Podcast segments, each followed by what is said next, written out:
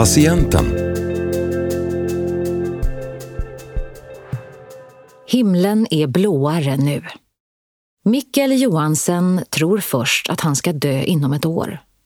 2010 finns ingen fungerande behandling för spritt malint melanom. Men så får han delta i en studie med ett nytt läkemedel. Nu får han se sina barn växa upp. Salta droppar rinner ner för kinderna. Mikkel Johansen sitter i bilen och läkarens ord sjunker in. Malint melanom. Hudcancer. Han tänker att han kommer att dö. Tänker på sin fru, Anne, på barnen Jasmin 5 och Noah 2. Hur skulle det påverka dem att växa upp utan en pappa?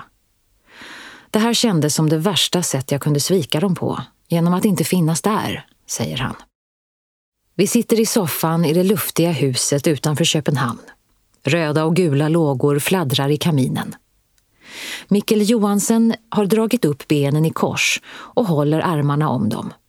Talar öppet om sin sjukdom, skrattar ofta, men måste ta en paus vid minnet av sin dotter i sjukhushissen, torka sig runt ögonen.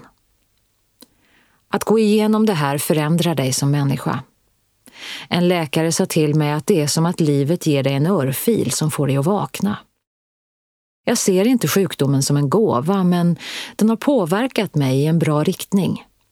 När himlen är blå är den mer blå än tidigare. Allt börjar i april 2010. Mikkel Johansen sitter på en restaurang i Paris tillsammans med några kollegor.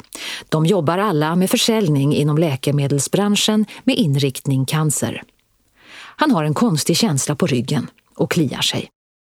Det gör ont, men smärtan är annorlunda. Den sprider sig över ryggen. Han tänker först att det inte är någonting. Men det två centimeter breda såret envisas med att komma tillbaka. Det är nog inget, säger läkaren på vårdcentralen. Mikkel Johansen vill ändå ta bort den såriga punkten och får en tid hos plastikkirurgen tre månader senare. Det ser inte ut att vara något särskilt, säger kirurgen, men opererar. Två veckor senare ringer han. Jag är ledsen, men eh, du har cancer. Nu går det fort. Läkarna opererar men upptäcker att cancern har spridit sig till lymfsystemet. Mikkel Johansen ser sin chans att överleva falla från 90 procent till 50 procent. Han sitter med sin bror på en bänk utanför sjukhuset. Det är en kall dag. När jag fick diagnosen trodde jag att jag skulle dö. Sen blev jag osäker, men nu visste jag med säkerhet att jag skulle dö. Min bror är min hjälte. När han hjälpte mig var han seriös, positiv och stöttande. Vad jag inte visste då var att han bröt ihop efteråt. Alla lymfkörtlar opereras bort. Mikkel Johansen ligger på sjukhus i en vecka. Anne och femåriga Jasmin kommer varje dag. Jasmin tycker det är roligt att leka med knappen som styr sängen upp och ner. Hon får köpa en nalle i butiken som hon tycker om. En dag följer han med dem till hissen för att vinka hej då. Han står där i sina sjukhuskläder med sin droppställning. Jasmin går in i hissen, säger ingenting, bara tittar på honom och några tårar rinner ner för kinderna. Så stängs dörrarna. Det var ett av de tuffaste ögonblicken. Efter en tid börjar han jobba igen. Har svårt att acceptera att det här faktiskt händer honom. I sex år har han besökt de här lokalerna i jobbet för att prata med läkarna. Det är en surrealistisk känsla att plötsligt stå framför skylten onkologiavdelning och inte vara där i jobbet, utan för att han själv är sjuk. Känslorna kommer i vågor. Han är ofta på dåligt humör och tar ut känslorna på fru och barn. Till slut går han till en psykolog och det hjälper. Efter operationerna kan onkologerna inte längre se någon cancer, men Mikkel Johansen tillhör en högriskgrupp. Vid den här tiden dör de flesta patienter med spritt malignt melanom inom ett år. Läkarna frågar om han vill vara med i en studie. De testar en ny behandling.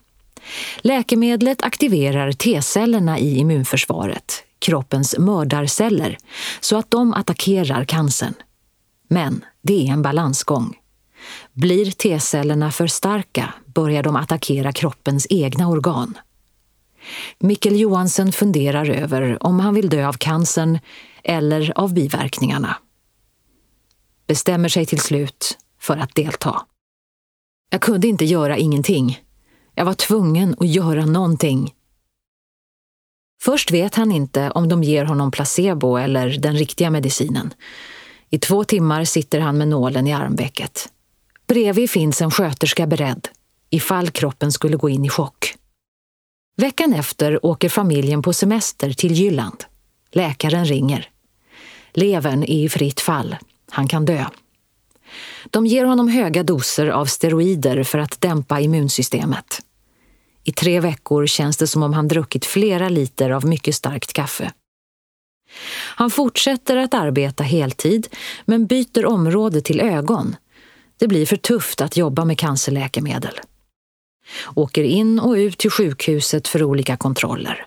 Var tolfte vecka skannar läkarna kroppen efter cancer. Biverkningarna är tuffa med intensivt kliande utslag och blödningar i mag och tarmkanalen.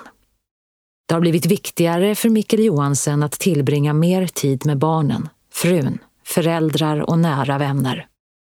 Familjen gör sitt bästa för att hitta på mysiga aktiviteter. Åker till stranden och skogen, lagar mat, spelar kort. Vi la vår budget på att resa och göra saker tillsammans. Det verkar så enkelt. Ändå glömmer många av oss bort vikten av de här små sakerna. Jag kommer aldrig att glömma det igen. 2013 är biverkningarna för tuffa. Alla läkarkontroller påminner honom ständigt om sjukdomen. Mikkel Johansen väljer att avbryta behandlingen efter två år och nio månader. Två år senare blir han erbjuden en tjänst med fokus på att introducera nya läkemedel inom teamet som jobbar med cancer på Bristol Mayor Squibb. Det var inte ett helt lätt beslut, men idag känner Mikkel Johansen att han kan se sig själv i spegeln på morgonen. Syftet med det jag gör är inte att trycka ut läkemedel till folk, utan att skapa möjligheter som kanske kan ändra livskursen för vissa patienter. När jag var sjuk fanns det i princip ingen fungerande behandling. I mina ögon är det en bioteknologisk revolution som pågår. Att vi kan använda immunsystemet för att döda cancerceller.